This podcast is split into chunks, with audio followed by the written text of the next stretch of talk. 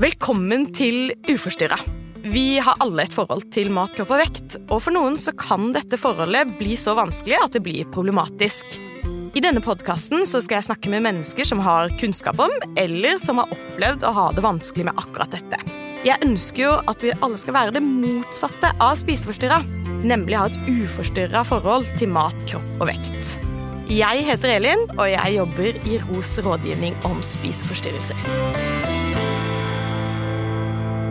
Velkommen i studio til Kjerkol og min kollega Marianne, som jobber som interessepolitisk rådgiver i ROS. Velkommen. Hei. Takk for det. Takk for det.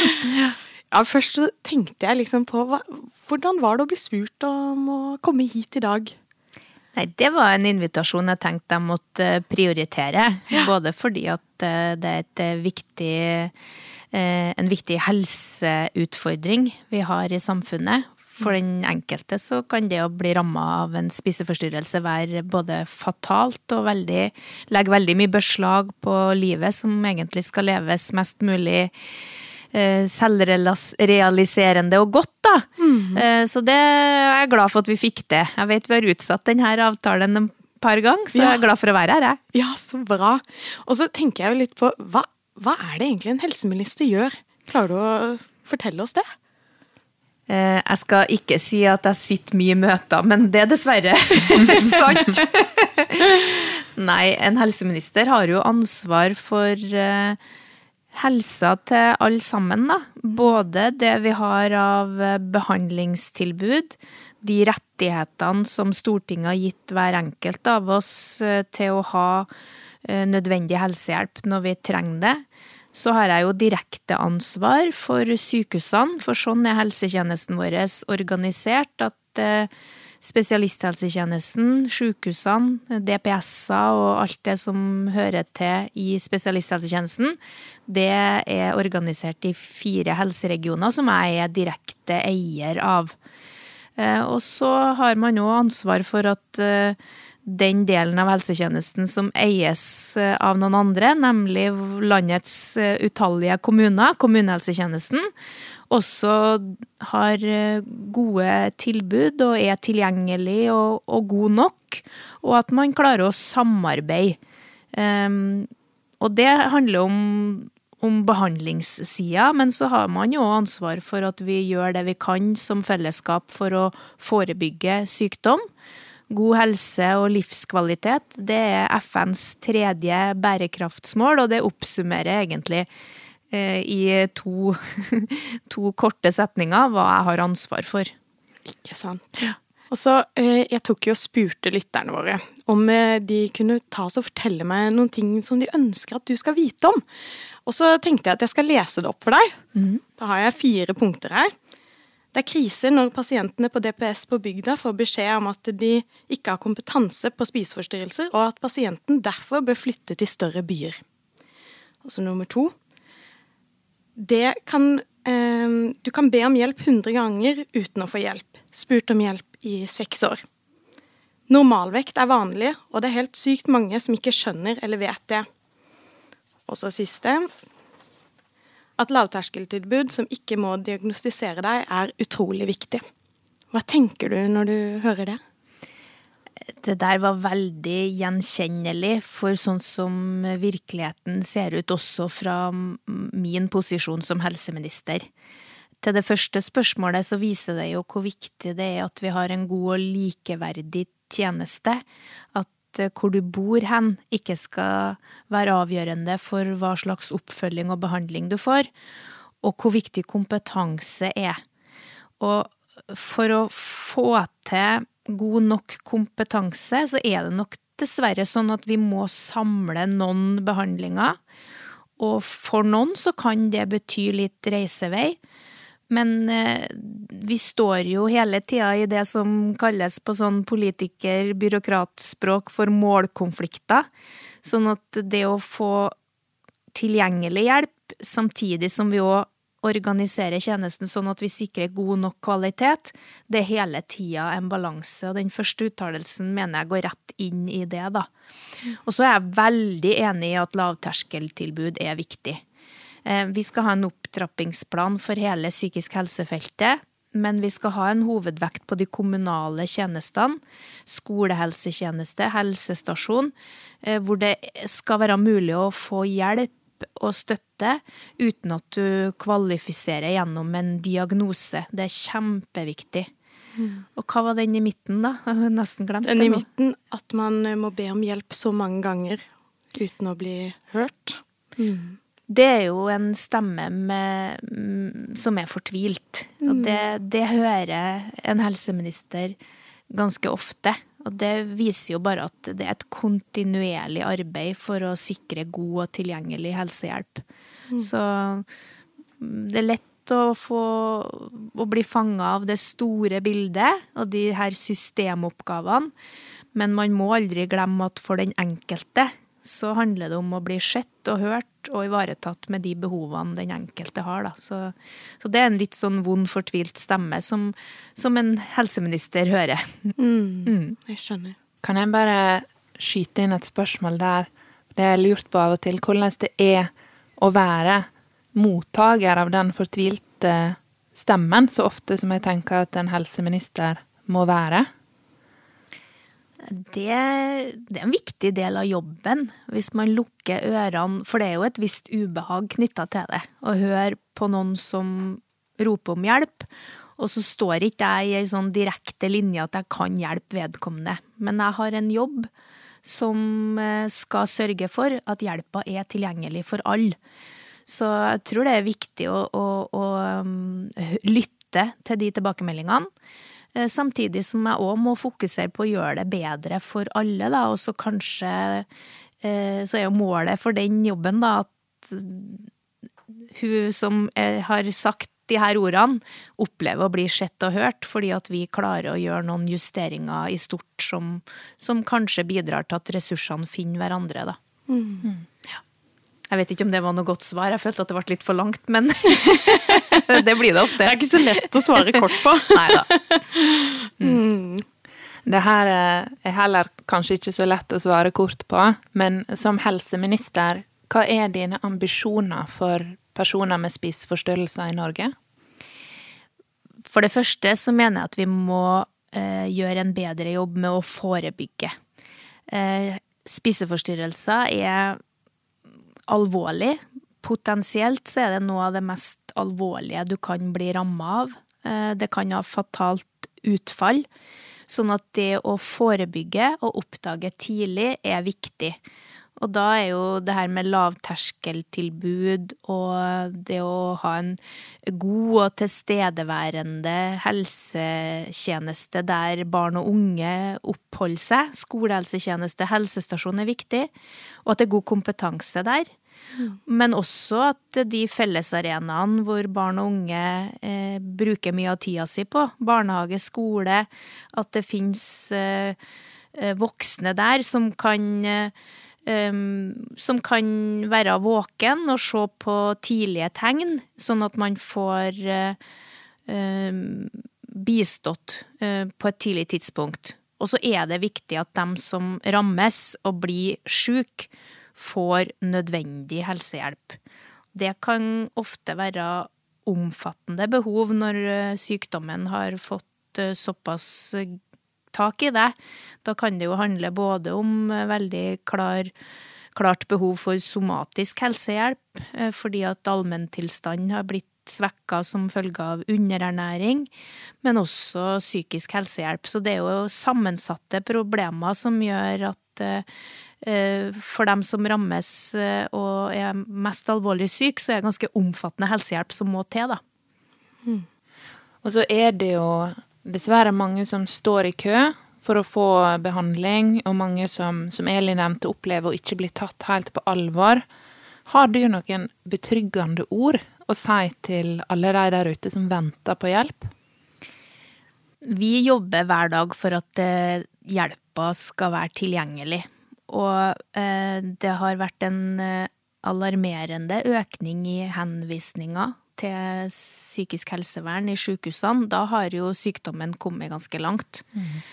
Og eh, sykehusene våre har klart å øke kapasiteten, så det er flere som får hjelp. Men likevel så er det også flere som venter. Så jeg har jo fulgt opp sykehusene både i årets oppdragsbrev, jeg sender jo et oppdragsbrev i starten på året, men også i et revidert oppdragsbrev nå i sommer om at man skal prioritere spiseforstyrrelser fordi det har den alvorlighetsgraden det har, og fordi at vi ser denne bekymringsfulle økninga. Så eh, min oppfordring er jo til dem som sliter, det er jo å oppsøke hjelp. Eh, det, det, må man gjøre, og så skal vi gjøre det vi kan for å mobilisere de ressursene som er tilgjengelige. Og så må vi se på hvordan vi kan øke kapasiteten og kvaliteten i behandlinga, sånn at man får godt utbytte av den hjelpa man får òg. Mm. Mm. Og så tenker jeg alltid på hver gang man snakker om spiseforstyrrelser, så blir det liksom ofte snakk om undervekt, ikke sant, men vi møter jo majoriteten av de som møter oss, sliter jo med en overspisingslidelse. Hva tenker du om det? Det viser jo at det er et spenn i de her helseutfordringene, eh, og at Eh, overspising ofte kan bli en kronisk eh, tilstand som mange lever med kanskje et helt liv. Så vi må ha ulike måter å møte ulike helseproblemer på. Underernæring og undervekt blir jo ofte fremheva fordi at det kan bli veldig alvorlig veldig fort. Og det mm. har vi jo sett i den økninga nå at det er flere med òg de mest alvorlige eh, og sammensatte behov som følge av det. Men eh, det er viktig å få opp eh, bildet mest mulig reelt, og, og da hører også det store antallet som, som, har en annen type spiseforstyrrelse, med i bildet. Mm. Mm. Det det er jo veldig fint at du sier. Det var jo et av de andre innspillene vi fikk da fra lytterne om en som veldig gjerne ville at vi skulle formidle det her at, eh, at altså uspesifiserte spiseforstyrrelser for eksempel mm. er like alvorlige som andre typer spiseforstyrrelser, og at en, en kan eh, en kan ha det veldig vanskelig selv om det ikke synes utapå, da. Um, det, det, er det mange som har et behov for å få formidla, for det, det, er dessverre fortsatt mange som ikke, ikke veit det i samfunnet vårt, men òg i helsevesenet, da. Mm. Ja, det, det, er jeg veldig opptatt av, for det, det blir veldig synlig når ting blir veldig alvorlig, og, og undervekt det blir fort veldig synlig og alvorlig og veldig klart for omgivelsene at det er sånn. Men andre typer spiseforstyrrelser kan jo òg legge enorme med begrensninger på livet til den som, mm. som, opplever det. Så det er et viktig perspektiv som det er viktig at behandlerne har med seg. Ja. Mm. Og så er jo jeg også litt sånn Det er jo et mer personlig spørsmål, men som helseminister så blir man jo fotografert, og man blir diskutert, man får kritikk. Eh, hvordan forholder du deg til det? Nei eh, jeg har vært med i politikken lenge, da, så det har jeg jo blitt veldig vant til. Mm. Eh, og jeg har også vært forskåna fra de, de fra vonde kommentarer. Så, så, der har jeg jo vært heldig, da. Mm. Jeg har jo politiske kollegaer, og, og særlig kvinnelige kollegaer, som har fått mye kommentarer på utseende og sånn, og det har jeg vært veldig forskåna for. Så, så, det har ikke vært noe problem for meg. Det mm. har det ikke, altså. Mm -hmm. Er det noen snakker om? Som, altså som kvinne i på en måte toppolitikken, er det noen snakker om seg imellom den typen litt sånn kjønnsspesifikk, kanskje? Ja, det ja. er det. Det snakker vi om, jeg og de andre kvinnelige ministrene i regjering. Snakker mye med det jeg snakker, snakker, mye om det med utenriksministeren, som er på den internasjonale arenaen hvor Eh, hvor kjønnsforskjellene eh, blir veldig tydelige. Eh, at det her med antrekk og utseende blir en, et issue for de kvinnelige, men ikke for de mannlige. Mm. Og det ser vi også når vi har hatt kvinnelige statsledere. Angela Merkel og Gro og Erna, de har alle måttet tålt en annen omtale og tilbakemelding enn sine mannlige kollegaer. Så det, det Der er vi fortsatt eh, ikke gode nok. mm. Men hvordan, hvordan tar du vare på deg selv når du er sliten og kjenner at livet er litt tungt?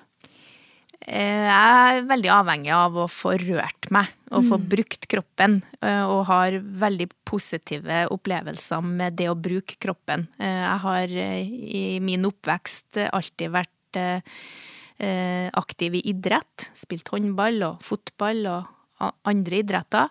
Sånn at det å få rørt seg ut i skog og mark, det er viktig for meg. De korte øyeblikkene jeg har tid til det. Og så har jeg en en hund som er veldig glad i å ut og springe med, med eieren sin når, hun, når jeg får tida til å være hjemme på Stjørdal, der jeg eh, prøver å komme meg hjem i helgen.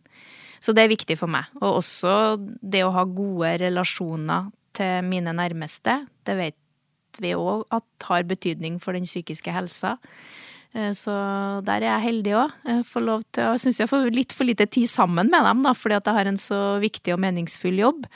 Eh, Men det å gjøre noe aktivt eh, i hverdagen, og det å gjøre noe sammen med andre, og det å gjøre noe med mening, det, det er godt for den psykiske helsa, da. Så jeg er veldig opptatt av at vi gjør mer for å bevisstgjøre oss vår psykiske helse også før det blir uhelse.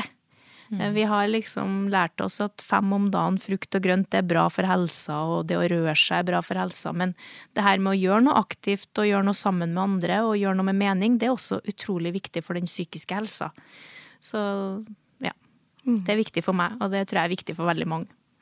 Alt det her henger jo veldig sammen. Eh, jeg var med på et, et av de regionale innspillsmøtene til den nye opptrappingsplanen for psykisk helse som du nevner, det er tidligere den veka her i, i Bergen, der vi skulle snakke om på en måte hva er viktig for forebygging og eh, det, det er jo i alle fall et stort spørsmål, men der var en jo inne på nettopp det her som handler om på en måte fysisk aktivitet i form av organisert idrett. sant? Holde barn prøve, Kan en holde barn og unge lenger i organiserte aktiviteter, sosiale arenaer etc., etc. Så det er jo eh, det er jo veldig tydelige sammenhenger der. Absolutt, og her tenker jeg idretten er en viktig eh, alliert. Eh, Vi når jo veldig mange gjennom idrettslagene. Og så har også idretten en liten slagside med kropp og prestasjoner. Så, så det er jo denne balansen å finne glede med å kjenne at kroppen fungerer, som er sunt og godt. Eh, Og der eh, er, har vi den fordelen, fordelen gjennom klubbene, da, at de er til stede i alle lokalsamfunn. Så vi jobber også med hvordan vi kan spille på lag med idretten i folkehelsearbeidet, og at de kan få en litt sånn tydeligere rolle, uten at det går på bekostning på det som er idrettens kvaliteter, nemlig at det er en frivillig aktivitet, og at de gjennom nettopp den frivillige aktiviteten er med å løse et stort eh, samfunnsoppdrag. Så det, der tror jeg det er mye å hente. Sånn helt mot uh, slutten her, uh, hva er din hjertesak? Min hjertesak, det er jo vår felles helsetjeneste. At alle kan føle seg trygge på at de vokser opp i et miljø som fremmer god helse, og at hvis man trenger helsehjelp i form av eh, at man får en sykdom eller en tilstand, eller utsettes for skade og ulykke, så er man trygg på at man får hjelp. Så en sterk offentlig helsetjeneste, og at fellesskapet også tar ansvar for folkehelsa, det er liksom, da er du i kjernen. da er du i kjernen på hva, hva som får mitt hjerte til å banke. Ja, så fint. Tusen takk, helseminister Kjerkol, for at du var med i dag. Det har vært veldig, veldig fint. Takk for at jeg fikk komme. Takk for at du lyttet til podkasten vår. Dersom du kjenner deg igjen, eller noen rundt deg, så kan du ta kontakt med oss på nettros.no. Denne podkasten er laga med støtte fra Kavlifondet og med god hjelp fra produksjonsbyrået Både og.